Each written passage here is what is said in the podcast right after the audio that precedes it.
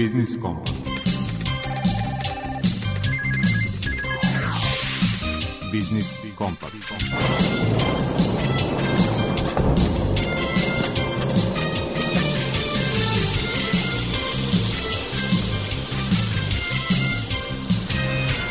Pred mikrofonom je Đuro Vukilić. Dobar dan poštovani slušalci. Vreme je za ekonomske teme u programskoj šemi Radio Novog Sada i evo ukratko sadržaja današnjeg Biznis Kompasa.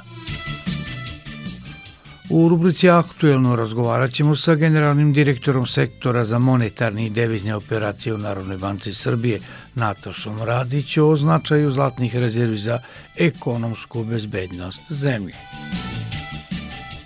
Gost autor rubrike iz mog Google, urednica portala Pluton Logistics Marija Kambić govori o značaju razvoja intermodalnog transporta za srpsku privredu.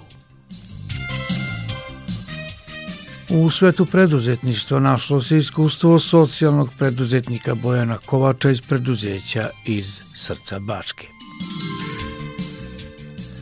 Decembar za mnoge znači kraj radnog i početak penzionerskog veka – kako da spremno dočekate dane penzije, a da vas ne dovedu u neprijatnu situaciju obaveze prema finansijskim institucijama. Posavetovat će vas Filip Milanović iz Narodne banke Srbije. Online kupovina neretko krije zamke prevare. Kako ih izbeći, savetuje u rubrici Potrošačka korpa prava predsjednik Udruženja za zaštitu prava potrošača Prosperitet Radomir Ćirilović. I posle uvodne najave, a pre rubrike Aktuelno, muzička pauza.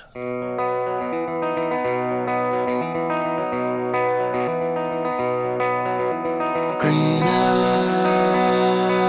crying at the door. Long nights pacing the kitchen floor.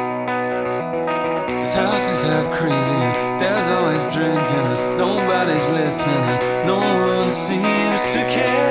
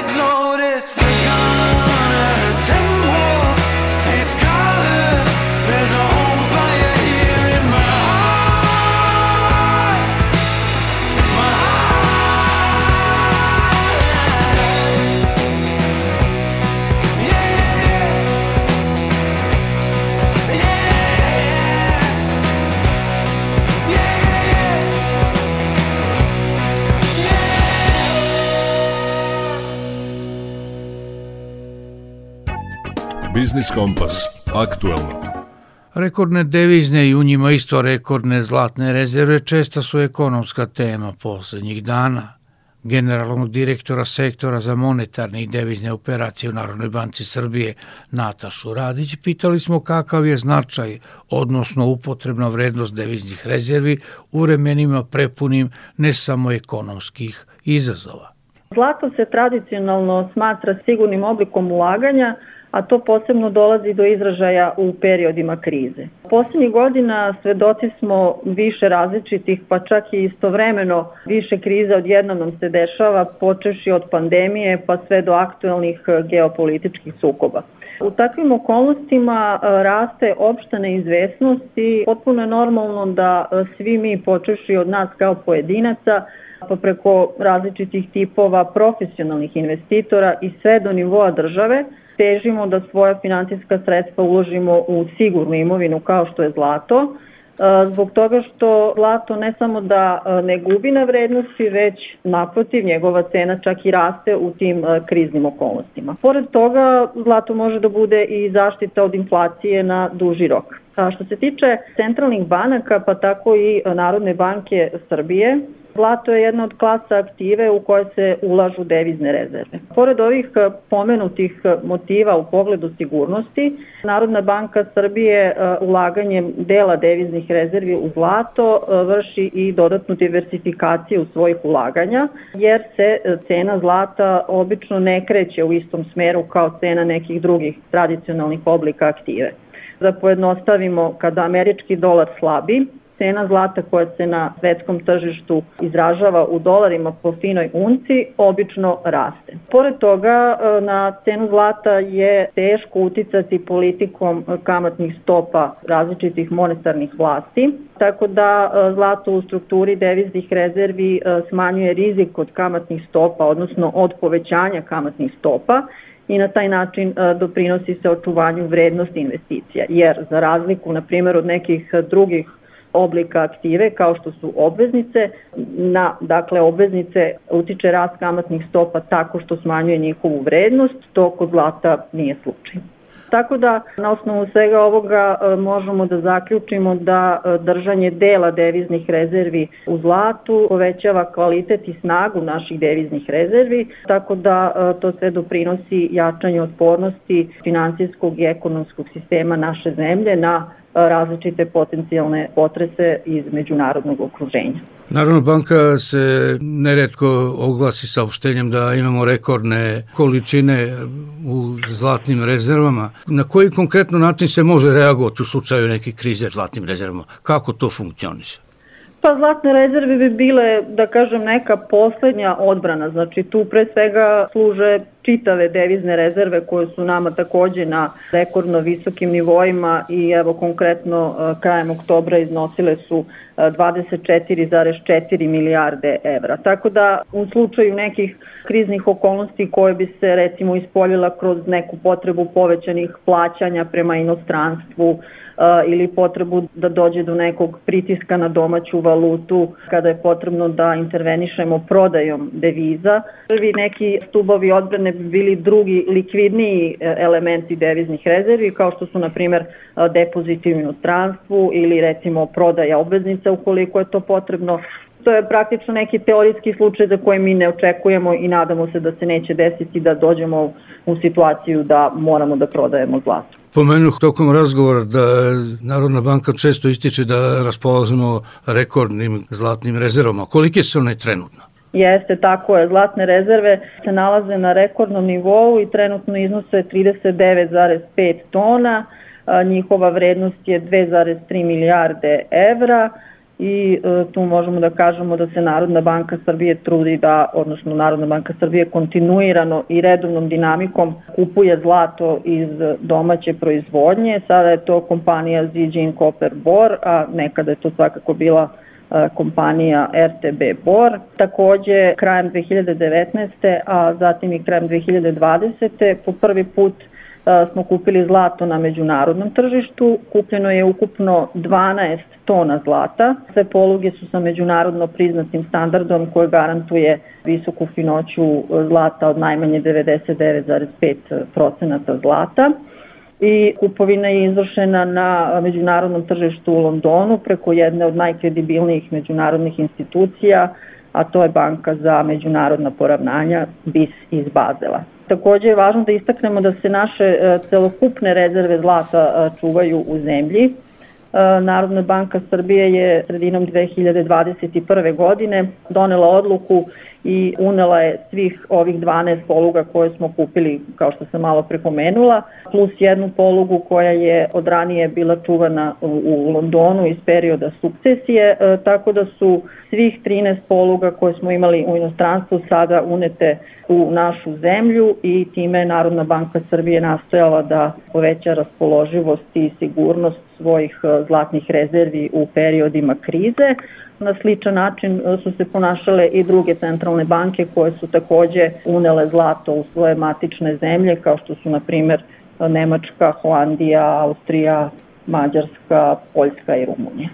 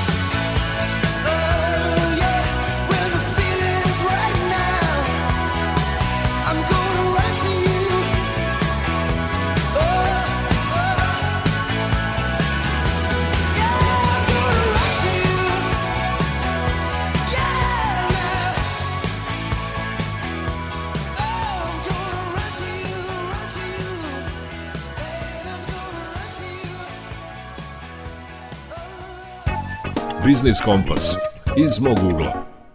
Gost autor današnje rubrike iz mog ugla je Marija Kambić, urednica Pluton Logisticsa, portala koji beleži deceniju uspešnog medijskog bavljenja svim vidovima transporta. Koleginica Kambić govorit će o značaju razvoja intermodalnog transporta za srpsku privredu.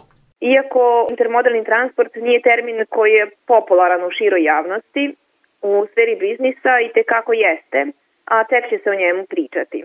Baš e, prošle nedelje sam e, pitala direktora kompanije koji u ovom svom sastavu ima privatni intermodalni terminal o rezultatima u ovoj godini i dobila sam odgovor da je sve prebukirano i da su nedavno pokrenuli još jedan terminal e, u centralnoj Srbiji. E sad, za one koji ne znaju, intermodalni transport predstavlja kombinaciju više vidova prevoza oslanjajući se najviše na železnicu kombinovani transport od vrata do vrata ne samo da štedi 60 do 90% emisije CO2 koju emituje prevoz kamionima, već je i 40 do 70% energetski efikasniji po tonskom kilometru u poređenju sa drumskim transportom.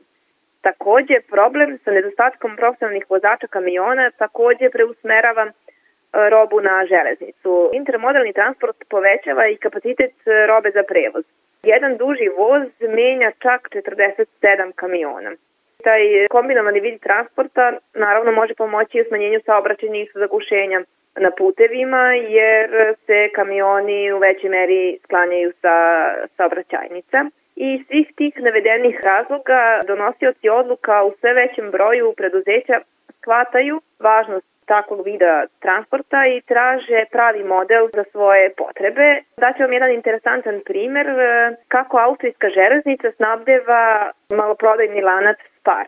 Za pivo i druge vrste pića, zahvaljujući novim inovativnim prikolicama, omogućen je kombinovani prevoz od vrata do vrata železnicom i kamionima. Putovanje iz fabrike Brown Union u Beču započinje kamionom koji obavlja prevoz do terminala u tom gradu, Nakon toga se glavni deo transporta odvija vozom prema terminalima koji su što bliže skladištima Spara u Austriji i poslednju deonicu u logističkom lancu preuzima ponovo kamion koji u ovom slučaju dovozi napitke do skladišta Spara, a odatle se dalje distribuiraju do prodavnice pre nego što na kraju završe u kolicima i korpama potrošača.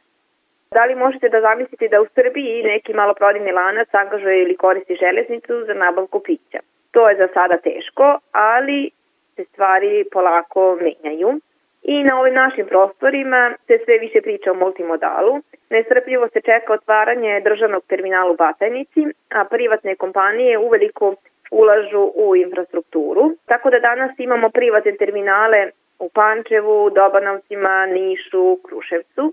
U praksi roba sa dalekih destinacija stiže do morskih luka u okruženju, brodovima naravno, a onda direktnim železničkim linijama do intermodalnih terminala u Srbiji, pa onda kamionima do krajnje destinacije i sve je više železničkih linija iz luka Pirej, Solun, Rijeka, Kopar do terminala u Nišu, Kruševcu, Dobanovcima ili u Beogradu. Kakve su sad prognoze za razvoj intermodalnog prevoza u Srbiji? Naravno, postoji velika zainteresovanost kompanija da koriste takav vrst prevoza, međutim, postoji dosta toga što treba da se uradi kako bi to bilo što efikasnije. Na primjer, u budžetu Srbije za 2024. godinu, kao i ranijih godina, za stimulativne mere u cilju napređenja kombinovanog transporta opredeljeno je 100 miliona dinara za privatne kompanije i 20 miliona dinara za javna preduzeća. Znači, samo malo poređenje, u našoj zemlji su subvencije na godišnjem nivou milion eura, dok su u Italiji, na primjer, 22 miliona eura. Stručnjaci u ovom sektoru i oni koji se bave, bave organizacijom e, transporta robe smatraju da je železnica naravno političko pitanje i da je potrebna jasna i snažna državna podrška u vidu poboljšanja infrastrukture investicija, subvencija za kombinovani transport kao i poboljšanje administracije. Sve ovo jeste na neki način, da kažem, i cilj Srbije koje zaista dosta ulaže u železnicu, rekonstrukciju i izgradnju novih kapaciteta, ali dok se sav taj posao ne završi, bit će potrebno dugo još vremena, godine i godine do toga. Takođe, kako bi intermodalni transport bio prihvaćen na ovim prostorima, neophodna je naravno i sinergija svih prevoznika kako u Srbiji, tako i u okruženju, onda da kažem svih logističkih operatera i špeditera, države, kao što sam već rekla, i najzad klijenata, tačnije onih koji bi tu uslugu koristili.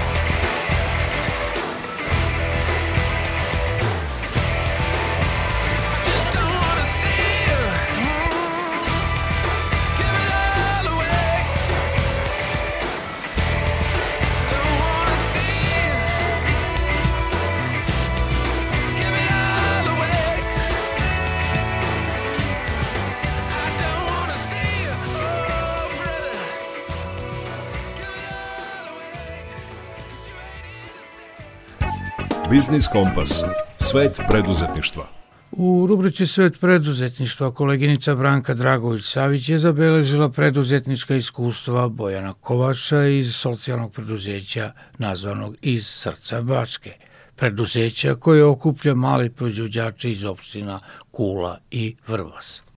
Socijalno preduzeće Srce Bačke je nastalo iz nevladine organizacije Lag Srce Bačke. E, registrovani smo kao DO, ove godine smo se registrovali kao firma i dobili smo taj status socijalnog preduzeća i bavimo se e, trgovinom, unikatnih proizvoda i domaće radinosti i proizvoda malih proizvođača sa teritorije opštine Kula i Vrbas. Znači to su e, lokalni mali proizvođači koji malo teže dolaze do tržišta i ono što smo mi recimo ove godine uradili za njih jeste potpuno deklarisanje njihovih e, roba, izrada QR kodova, e, malo nešto i oko marketinga, znači ako govorimo o nekim osetljivim grupama to nisu lica sa invaliditetom, nego to su jednostavno mali proizvođači koji malo teže dolaze do tržišta. I udruženja, pre sve svega udruženja žena, ali i drugi vidovi udruženja koji se bave izradom tih unikatnih predmeta i ručne radinosti. Tržište je najveća e, prepreka, narod, e, građani još uvek nemaju tu e, svest šta je to socijalno preduzeće, čime se zapravo, šta je pravi cilj socijalnog preduzeća, da to nije isključivo profit, nego da to ima i neku malo dublju i drugačiju ulogu i mislim da bi neko, neko malo bolje pozicioniranje na tržištu i malo bolja reklama i marketing i od strane uh, nadležnih organa, ne samo od nas, uh, u mnogome doprinela tome da se ljudima malo i objasne da je kupovinom u socijalnom preduzeću zapravo vi podržavate ne samo tog preduzetnika, nego i druge neke vidove organizovanja kao što su udruženja, neke ljude koji su možda u stanju socijalne potrebe i nešto tome slično. Budući da smo mi osnovani ove godine, nismo mogli da konkurišemo ni na jedan poziv. Znam da je bio jedan poziv pokrinjskog sekretarijata za privredu i turizam, međutim poziv je bio otvoren za ona preduzeća, one organizacije koje su već postojale od prethodne godine, znači 2022. i to je bio poziv za nabavku mašine i e, mašina i oprema. Mi ove godine nismo mogli da konkurišemo ovaj, ni za šta. Nadamo se da ćemo sledeće godine moći da konkurišemo za neka sredstva. Sad vidjet ćemo da li će to ostati samo za mašine i, i neku opremu ili će biti nekih drugih vidova subvencija kao što je subvencija za zapošljavanje ili nešto tako.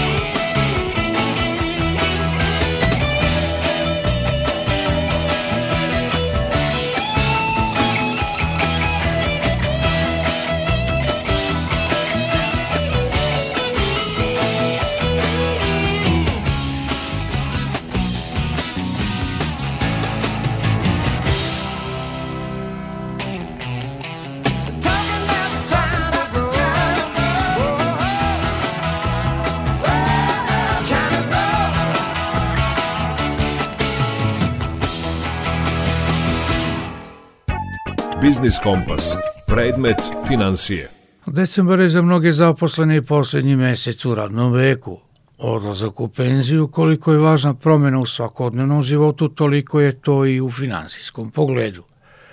Kako spremno da dočekate dane penzije, a da vas ne dovedu u neprijatnu situaciju obaveze prema finansijskim institucijama – O tome će vas posavetovati samostalni stručni saradnik u sektoru za zaštitu korisnika finansijskih usluga u Narodnoj banci Filip Milanović. Pre svega bi trebalo da krenemo od toga da penzijski sistem u našoj zemlji funkcioniše na dva načina i to su državna i privatna penzija.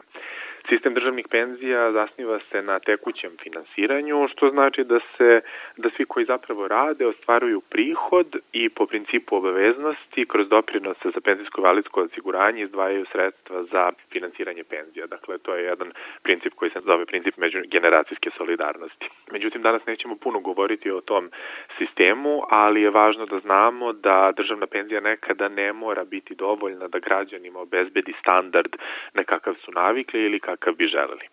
Zato predlažemo građanima da razmotre još jednu mogućnost štednje za starost, a to je privatna penzija, što podrazumeva dakle da se građani učlane u neke od postojećih dobrovoljnih penzijskih fondova i štednja kroz te fondove zapravo predstavlja relativno novi oblik štednje u Srbiji i omogućava dakle korisnicima odnosno građanima dugoročnu štednju za takozvane starije dane. Naime, sredstva se u ovom slučaju na računu građana uvećavaju uplatama i doprinosima i prihodima od investiranja, odnosno drugim rečima sva uplaćena sredstva se investiraju najkvalitetnije hartije od vrednosti i ostvarena dobit se pripisuje građanima.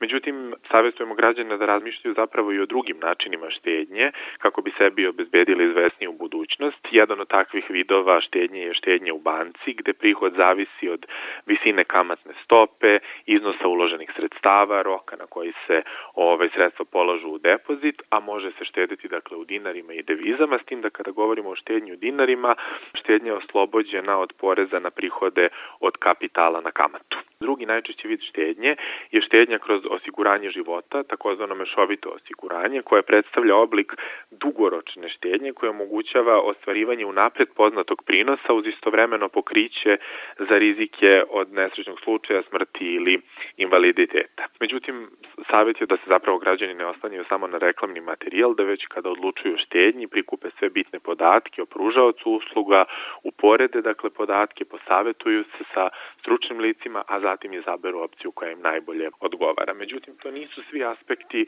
zapravo štednja nije jedini aspekt o kom bi trebalo da građani vode računa. Skrećemo pažnju da ukoliko korisnici imaju aktivan kredit, odnosno kredit koji je u fazi otplate, da u periodu od odlaska u penziju do isplate prve penzije neophodno je zapravo da obezbede sredstva za rate koje će u tom periodu dospevati. Ukoliko primjer radi građani shvate da će penzija biti manjeg iznosa od plate i da ne mogu podneti teret otplate rate kredita, oni se mogu obratiti bankama sa molbom za produženje roka otplate ili smanjenje rate ili da podnesu eventualno molbu za primjenu zastoja u otplati, a na banci je da nakon provedene procene ocene da li će takvu molbu korisnika zapravo i usvojiti. S druge strane, ukoliko građane shvate da njihovim potrebama više ne odgovara, recimo paket računa koji su imali kod banke otvoren, oni mogu da se obrate banci u cilju otvaranja paketa računa namenjenih penzionerima koji će dakle biti više u skladu sa njihovim novim potrebama i no, njihovim nekim novim životnim navikama. Međutim, na kraju građani bi trebalo da prouče svoje ugovorne obaveze koje imaju prema bankama i recimo društvima za osiguranje, a pored toga i da kontaktiraju zaposlene u bankama i društvima za osiguranje i dodatno se raspitaju o, o, o svojim obavezama, te na osnovu svih podataka zapravo opredele koje su to obaveze koje proističu iz odlaska u penziju, imajući u vidu da je svaki ugovorni odnos zapravo individualnog karaktera i da svaki ugovor može posebno definisati obaveze građana prilikom odlaska u penziju.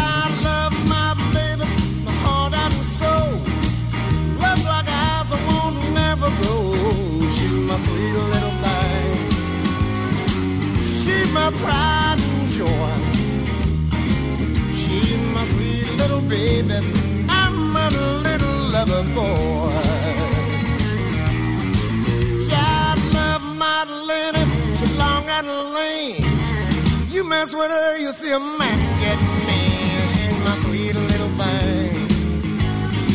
She's my pride and joy. She's my sweet little baby. I'm a little lover boy.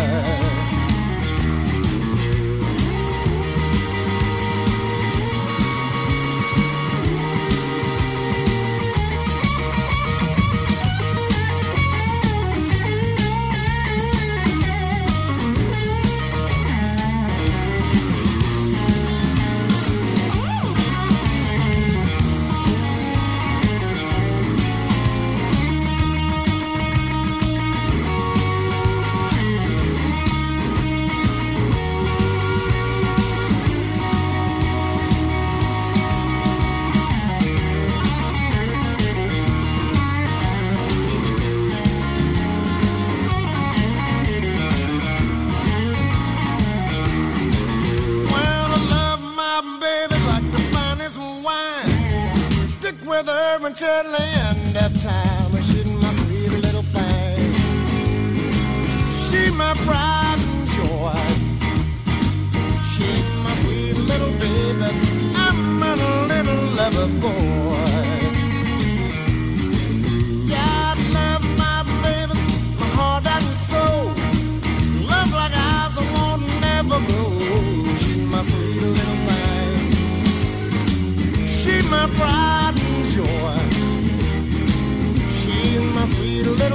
baby. I'm a little lover boy.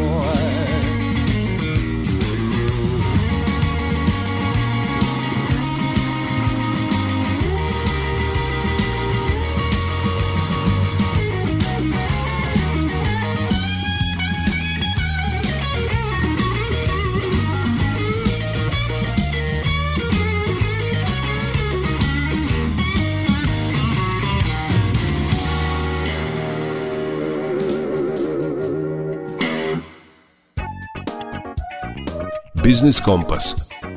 Potrošačka korpa prava. Sa skokovitim rastom online trgovine raste i broj prevarenih potrošača. Osnovni savjet je da kod online kupovine razlikujete registrovanog od neregistrovanog trgovca – upozorava u rubrici Potrošačka korpa prava predsjednik Udruženja za zaštitu prava potrošača Prosperitet Radomir Ćirilović. Online trgovina ili trgovina na daljini je odlična stvar da se kupuje od registrovanih trgovaca. Međutim, mi smo u Udruženju za zaštitu prava potrošača Prosperitet analizirali rezultate ankete koje smo nazvali da li je daljina dovoljno blizu, uočili da potrošači ne prave razliku između registrovanih i neregistrovanih trgovaca i da zbog toga često budu prevareni. Ono što je najvažnije potrošač e, treba da zna da ako poruči i kupi robu od neregistrovanog trgovca, nažalost nema prava zagarantovana zakonom o zaštiti potrošača i jedina opcija za ostvarivanje prava jeste da tuži fizičko lice koje mu je prodalo robu ili uslugu. Stoga je neophodno da znate da prema zakonu o elektronskoj trgovini registrovani trgovac je dužan da na svom sajtu ili drugom mestu na kome vrši prodaju na daljinu istakne podatke koji su potrebni potrošaču da izvrši identifikaciju trgovca. Informacije moraju biti neposredno i stalno dostupne kako potrošačima, tako i nadležnim organima države, a to su naziv trgovca, sedište trgovca, kontakt informacija na osnovu koju potrošač može brzo i nesmetano da ostvari komunikaciju sa trgovcem, uključujući i elektronsku adresu i broj telefona, zatim podatke o upisu u registar privrednih subjekata, odnosno drugi javni registar, misli se na matični broj, pojedinosti o nadležnom organu ako delatnost pružavaca usluga podleže službenom nadzoru. U pogledu posebno regulisanih delatnosti, odnosno profesija, zatim porezki identifikacijni broj i tako dalje. Znači, to je osnovo što treba da kao potrošač da sagledavamo i da odlučimo da li ćemo s njima obaviti posao zato što su registrovani ili nećemo zato što su neregistrovani. Znači, pre svega kupovino potrošač treba da proveri da li se radi o registrovanom trgovcu. Moraju, pored ostalog, da imaju i istaknu matični broj i PIB firme. Ako kupac od neregistrovanih trgovaca, to je od fizičkih lica, mogu svoja prava samo da ostvare u sudskom postupku. Kupovinom od e, registrovanih trgovaca potrošači imaju mogućnost da odustanu od kupovine u roku od 14 dana, odnosno da se predomisle. To je jedna od ređih prilika regulisana zakonom o zaštitu potrošača Srbije, da postoji znači, izvesno da možemo da odustanemo od trgovine online. Za odustanak je potrebno da pošaljete obrazac za odustanak od ugovora u zakonskom roku, kao i da vrate te robu u istom stanju kao i kada ste primili, jer odgovaraju za umanjenu vrednost robe potrošača. Znači, to je ono što treba da znate. Trgovac je dužan da u roku 14 dana od dana vraćanja robe vrati novac potrošaču i potrošač nosi troškove vraćanja robe. Taj obrazac za odustanak od kupovine na daljinu, odnosno online kupovine, je propisan od strane ministarstva. Trgovac je dužan uz otpremnicu ili uz robu da dostavi u pisanu formu taj obrazac. Međutim, često se dešava da to ne čini. Ima je u cilju kao trgovcima da što manje imaju popunjenih obrazaca i vraćeni sa robom.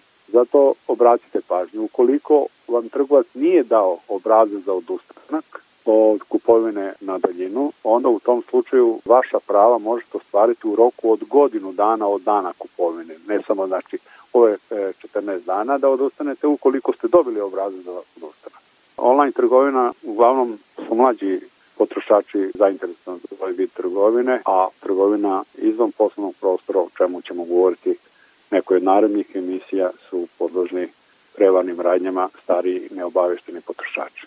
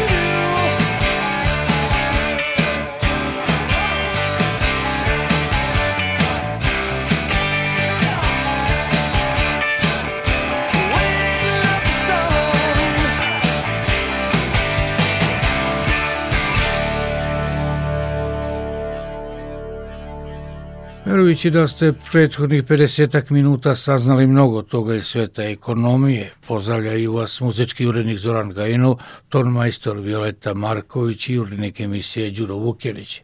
Slušajte nas i odloženo na internet stranici Radio Televizije Vojvodine, podcastu Odloženo slušanje. Zdravi bili i čuvajte se.